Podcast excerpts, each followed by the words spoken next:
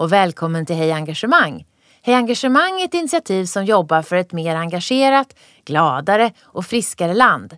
Vi vill att människor ska få möjligheten att jobba med saker de brinner för. Inte för att de måste, utan för att de vill. Tillsammans kan vi skapa bättre förutsättningar för ett ökat välmående och lönsamma prestationer. Med Hej Engagemang får du träffa inspirerande personer som ger tips och insikt i hur du kan nå bättre resultat på jobbet och samtidigt må bättre. Nu kör vi! Hej Karina, välkommen till Engagemangspodden. Tack så mycket. När du säger att du går till jobbet, eh, vad är det du eh, går till då? Då går jag till Jobbtorg Stockholm och Jobbtorgen som finns i Farsta och Skärholmen som ligger då en del av arbetsmarknadsförvaltningen i Stockholms stad. Mm. Och hur ser ert uppdrag ut? Eh, vi har ett väldigt tydligt uppdrag och det är att få personer som står väldigt långt från arbetsmarknaden att komma ut i arbete och bli självförsörjande. Igen. Antingen via arbete eller via studier då. Och det kan vara personer som ofta uppbär försörjningsstöd. Och din roll, eh, hur beskrivs den? Som enhetschef för två av jobbtorgen. Jag brukar beskriva den att mitt uppdrag är att se till att mina medarbetare har förutsättningar för att göra det bästa jobbet de kan. Ja, och nu är du hos oss på Engagemangspodden. När, när du pratar om engagemang, vad är det för aspekter och, och för konsekvenser engagemang har i din verksamhet? Eh, eh mina medarbetare, jag och mina medarbetare, men mina medarbetare har ett otroligt engagemang för att lyckas med vårt uppdrag.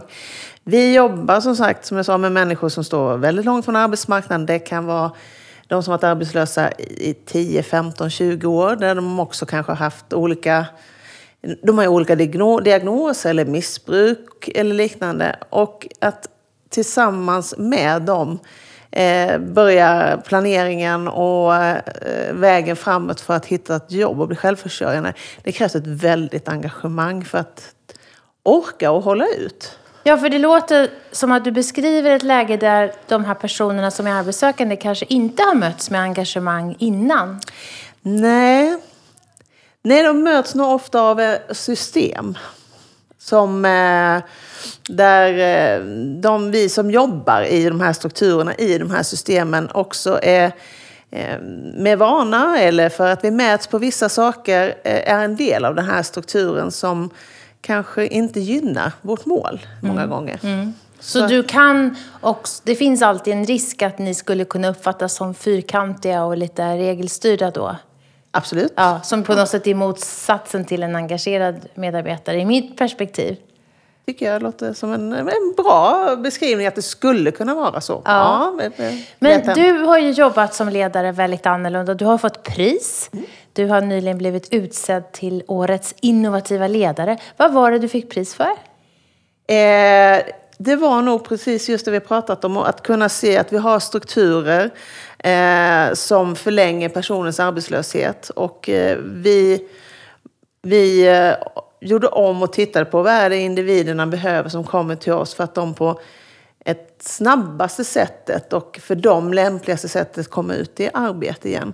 Och det innebar faktiskt att eh, vända på hela skutan, hur vi organiserade oss, hur vi såg på vad vi skulle göra.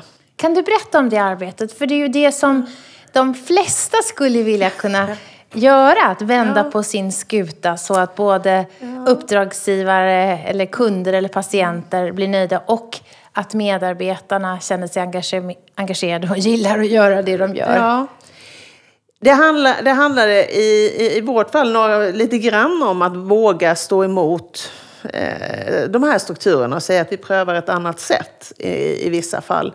Eh, och vad vi, vad vi gjorde, om en individ kommer till oss Ehm, om vi, vi kan ha det så här, man delade in alla, alla stockholmarna, blev olika målgrupper utifrån om du var nyanländ eller eh, inte nyanländ, eller om du var ung eller gammal, eller om du var rosa, eller gul eller grön. Så fick du, blev du en målgrupp och utifrån målgrupper eh, så organiserade vi oss och sa att den här målgruppen ska vi jobba så här med och den här målgruppen ska vi jobba så här med.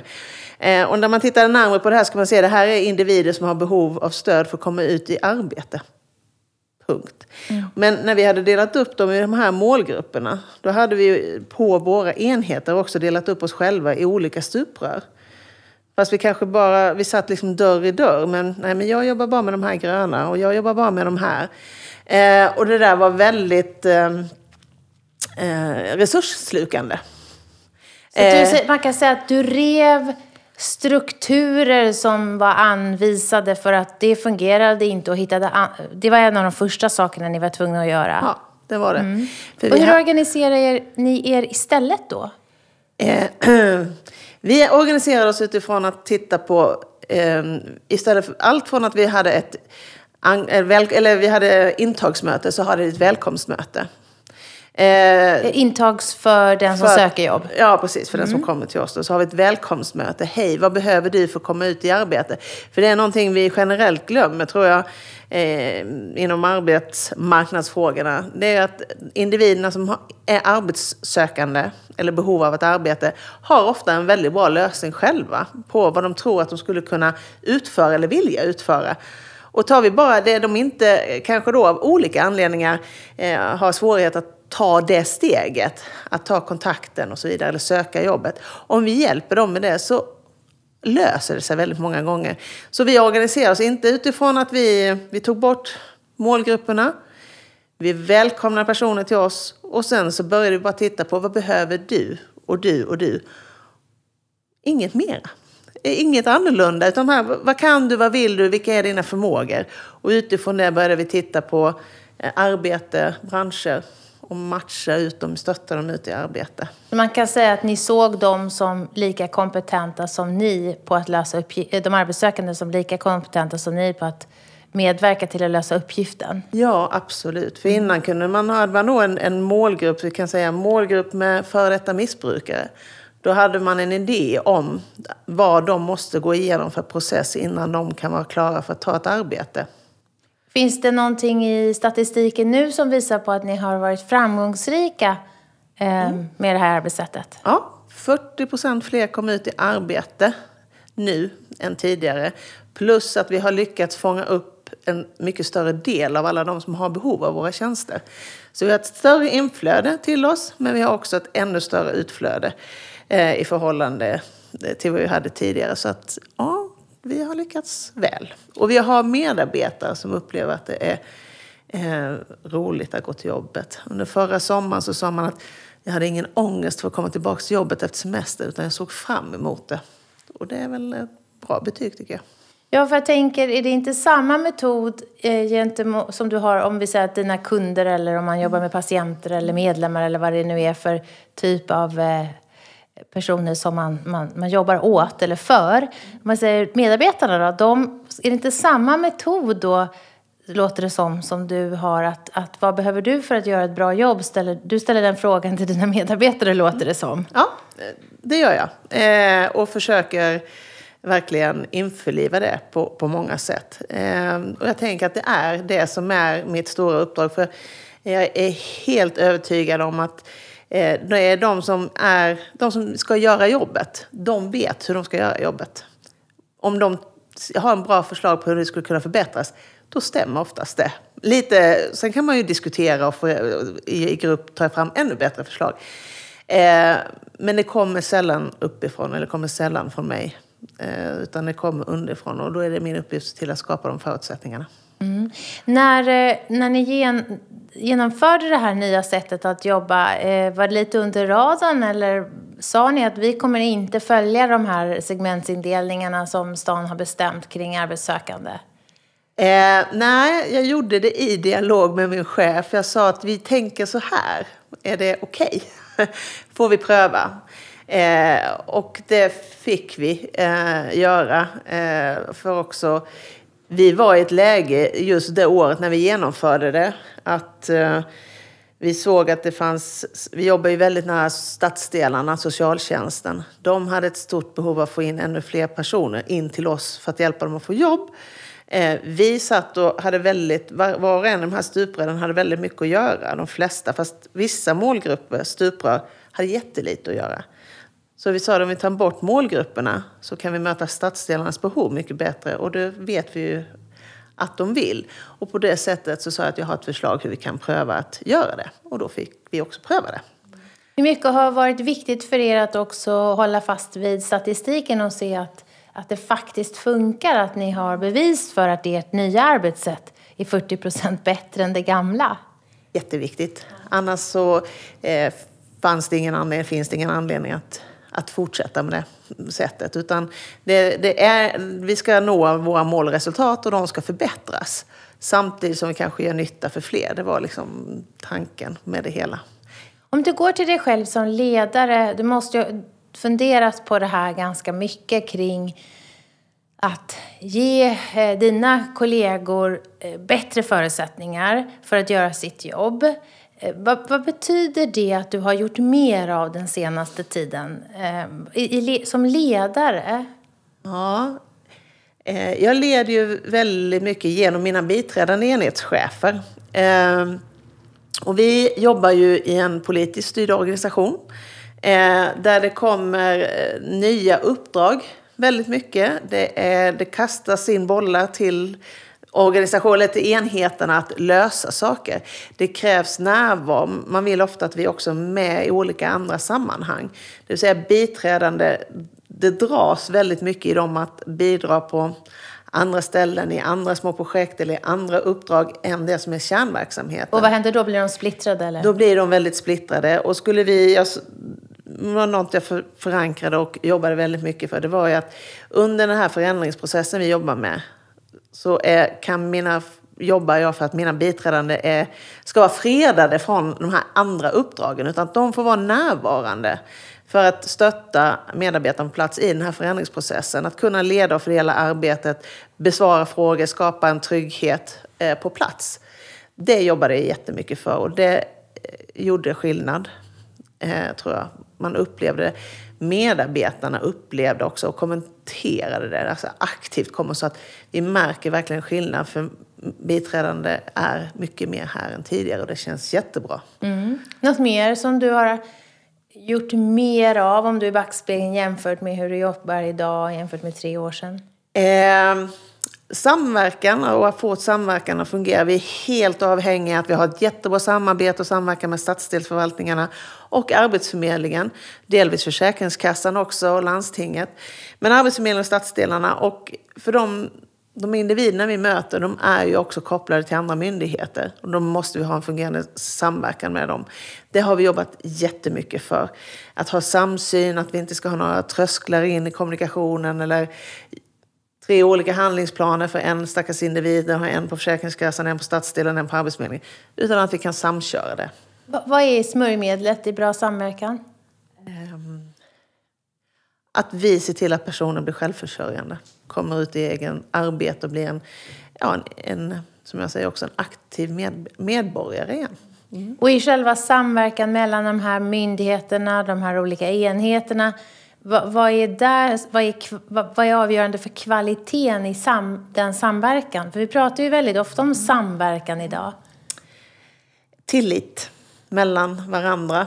Att, eh, att man, eh, ja det. Att man har tillit till, okej, okay, ni har en bra planering för individen. Då kan jag släppa eh, på min, vad det nu kan vara, kontroll eller att de följer det jag hade tänkt. Utan man kommer överens om en, en handlingsplan för individen och att ingen går in och kliver in och eh, ja, sabbar den helt enkelt. Mm. Men, och det bygger på tillit och tillit får vi genom att vi träffas i olika sammanhang Eh, i myndigheter mellan allt från att vi kan ha frukostmöten eller handläggarmöten eller att vi har operativa möten på ledningsnivå. Och det, så vi, vi, träffas ganska mycket. Mm. Och eh, eh Fördelen är, är man den som kan visa på att det, man kan stå för lösningen på alltihopa så kan man också få eh, lite företrädesrätt, mm. kan man säga så, i tanken på hur man kan lösa saker. Men inte alltid. Ibland finns det andra saker, men, men många gånger. Nu är det dags att få veckans ordination av vår egen engagemangsdoktor, Johan Bok. Doktorbok ger bland annat tips på hur du med enkla medel kan öka ditt eget eller dina kollegors engagemang.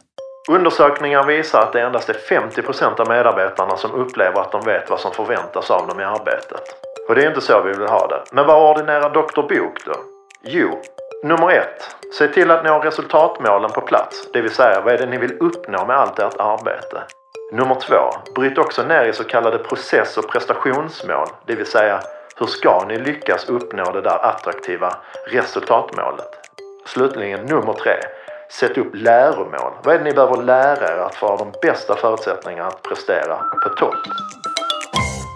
Har du, eh, eller har ni eh, gjort någon mätning på hur engagerade dina medarbetare är? Och har du någon, I så fall, vad är det ni mäter då? Ja. Engagemangsmätning. Ja, vi har ju medarbetarundersökningen. Eh, och den ställer ju olika frågor, men det finns vissa frågor då om Eh, hur man, eh, om man tycker om att gå till arbetet, om man upplever sitt arbete meningsfullt. Och just det här, alltså det är väldigt hög eh, skattning på det här med att man upplever sitt arbete meningsfullt. Eh, så ja, den är bra och vi hade i år ett väldigt, väldigt, väldigt gott resultat på medarbetarundersökningen. Och även där, framförallt då som jag sa, mina biträdande tog åt sig det här närvarande ledarskapet. Det var också väldigt bra. Så vi, vi har i stora delar också fått med oss eh, medarbetarna i det här och tycker att vi går åt rätt håll. Men det kräver ju sin kommunikation och sin ödmjukhet när man gör förändringar på, all, på många sätt för att komma dit här. när är du mest engagerad? Uh, jag är absolut mest engagerad när de här nya spännande nya uppdragen slängs på oss och hur vi ska lösa dem utan att skapa nya små stuprör. Utan hur får vi in i, i den befintliga processen vi har eh, så det inte skapas eh, ett extrajobb, ett merjobb och liknande. Det tycker du är klurigt att lösa det, det, ja, det precis. pusslet? Ja, och lösa det pusslet och vilka behöver vara med, vilka med, medarbetare och, men också vilka samarbetspartner liksom, och vem ska vi prata med för att lösa det här tillsammans. Då blir jag mest engagerad. När du inte känner engagemang, vad, vad gör du då? Eh, alltså hur, hur försöker du lösa det? För det är ju inte så skön känsla att vara oengagerad. Nej. Eh, eh, eh, känslan av oengagemang, det tror jag inte jag kan hitta i mitt arbete idag. Däremot kan jag få känslan av att jag blir frustrerad när jag tycker att vi blir, när vi går och gör saker på fel sätt. Eh, men vi har en väldigt bra eh, inlyssnad förvaltning. den är väldigt agil och, och anpassningsbar och man är öppen för att lyssna. Sen, så till slut får man ju också bara gilla läget i vissa sammanhang. Så att jag kan gilla läget. När jag, men jag försöker in i det längsta och jag kan vrida på saker eh, många gånger och eh, ja, räcka upp handen. Men till slut så säger de att nej, nu är det det här som gäller. Då då får jag gilla läget. Men fram till dess kan jag känna väldigt frustration. Och då handlar det många gånger om det jag tycker att vi skapar de där strukturerna igen som är ett hinder eller fördröjer en persons arbetslöshet. Ni visste ju inte funkar ju. Ja. Um, hur, uh, hur ser du på kopplingen mellan en engagerad individ, uh, framgången för en organisation och påverkan på samhället? Har du, för vi, vi tror ju på... Hej Engagemang driver ju frågan om hur vi ska skapa ett mer engagerat Sverige. Ja. Och det första, vad sa du först? Eh, kopplingen mellan individens engagemang, eh, framgång för en organisation mm. och påverkan på samhället. Eh, jag tänker att vi visar på det på det sättet vi jobbar idag. Idag, det första som händer när en individ kliver in i våra dörrar eh, är att vi frågar efter vad kan du, vad vill du, vad har du för önskemål, eh, vad har du för erfarenheter? Och, och många har ju då i många, många år fått berätta om vad hindren är.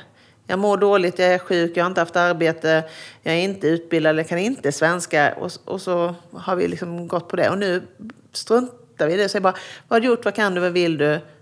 Och så fångar vi det. Och så matchar vi det ut på, på arbetsmarknaden. Och då växer ju, har de ett engagemang och vi plockar upp det där, jag menar då går det fort. Eh, ibland kan det ta lång tid för de är helt främmande inför att någon vill ta upp det som de kan. Eller tror sig ha kunnat en gång i tiden. Eh, och när vi har väckt det engagemanget och, och de vågar tro på sig själva så, så ja, då får de ett jobb. Eller de kan få en trä, arbetsträning. kanske finns behov av att ta det lite lugnare så det inte blir en jag brukar säga att det kan finnas en nära jobbet-upplevelse också som kan bli svår om man inte har varit på arbetsmarknaden på länge.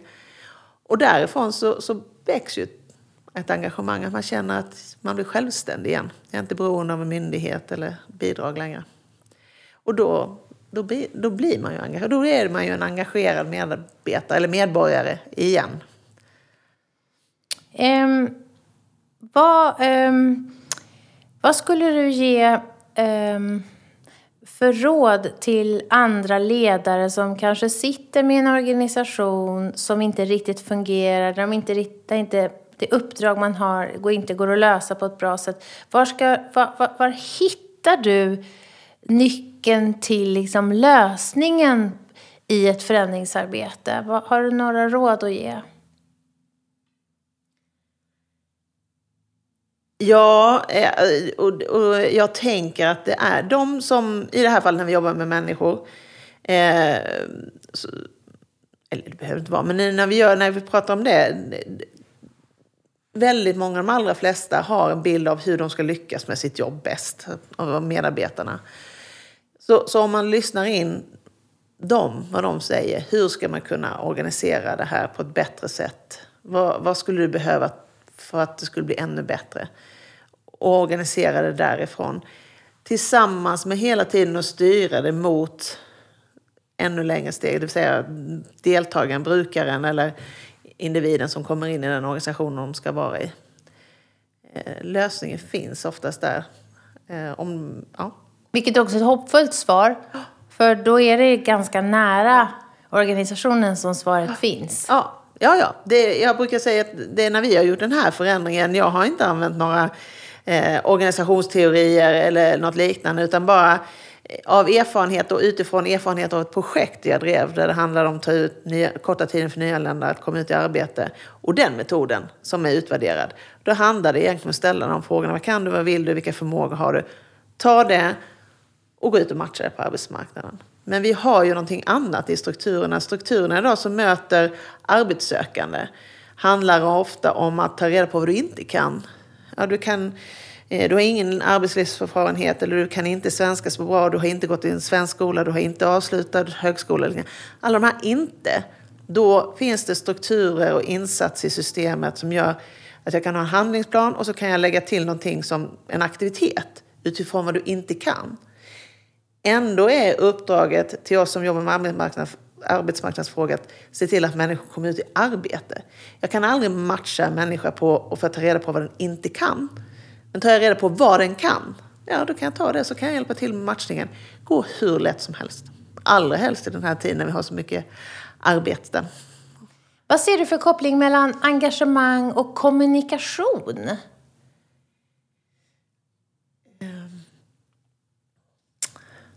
En klurig fråga. Eh, jag, jag som, om jag, jag som engagerad enhetschef och tänker att ha en vision, en bild av hur vi skulle kunna göra det här bättre. Eh, för att lyckas med det så krävs det verkligen kommunikation eh, på olika nivåer och eh, på olika sätt och hela tiden. Eh, både kommunikation att förklara saker men också lika mycket eller ännu mer att lyssna. Eh, för jag kan ju vara jätteengagerad men lyckas inte jag och tycka att någonting är jättebra men kan jag inte förklara det eller kommunicera det eller få med mig folk för att de inte riktigt förstår. Ja, då, då faller det ganska platt. För jag tror att jag har hört det många gånger i organisationer att en känsla av oengagemang och, och, och um, missnöje sprider sig ofta om informationen är knapp och kommunikationen är dålig. Att vi fick inget veta, det går inte att förstå hur jag ska bidra. Då känner jag mig oengagerad för att jag förstår inte helheten, det är alldeles för detaljstyrt. Känner du igen ja, dig att ja, det finns en koppling där? Ja. Ja. Eh, ja, och när vi gjorde den här effektiviseringen som vi kallade det. Vi, det var också en kommunikation, vi, vi var inte en organisationsförändring. För redan i det ordet så blir folk väldigt dra efter andan. Oj, ungefär. Men vi sa, vi kallade det en effektivisering. Eh, och eh, eh, också skapade en ganska stor arbetsgrupp av medarbetare för att delta eh, i den här förändringen om hur ska vi göra den. Ehm, och på det sättet fick med oss ambassadörer som sen kunde ta hem och förklara för sin lilla grupp om, om tankarna och också plocka med sig nya idéer. Ehm, vi la oss väldigt mycket vinn om att också lyssna på alla frågor som ställdes. Den lilla, lilla, lilla minsta frågan om mm, vad det skulle betyda för färg på väggarna så var det inte någonting som vi liksom sopade undan mattan utan det var en viktig fråga för den individen och den besvarade vi. Hur hanterade ni det? Var det digitala verktyg eller? Vi hade en sån frequently asked questions på, på eh, vår mapp på nätet och så vidare och sen upprepa vissa saker på möten.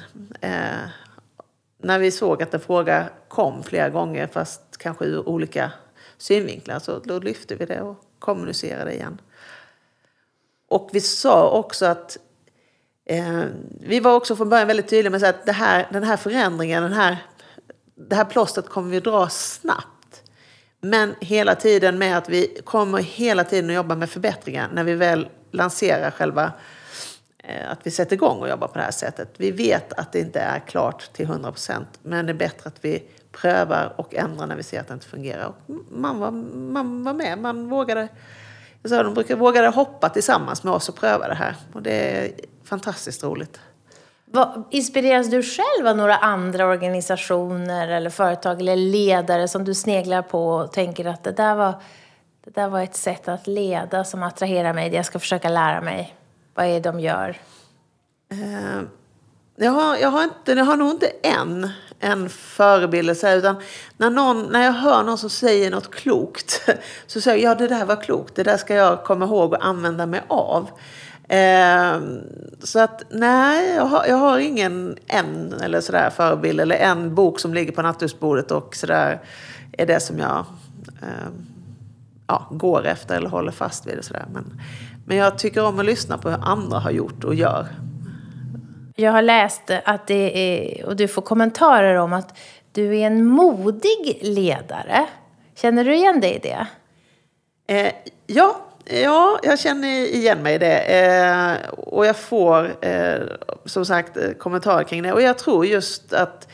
Eh, för det handlar ju om att, att våga eh, säga att man ska göra på ett helt annat sätt.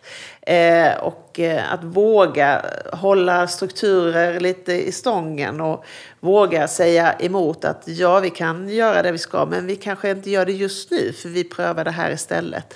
Eh, eh ja, och, och, kanske inte riktigt alltid eh, take a no for an answer, utan eh, fortsätta och pröva ändå.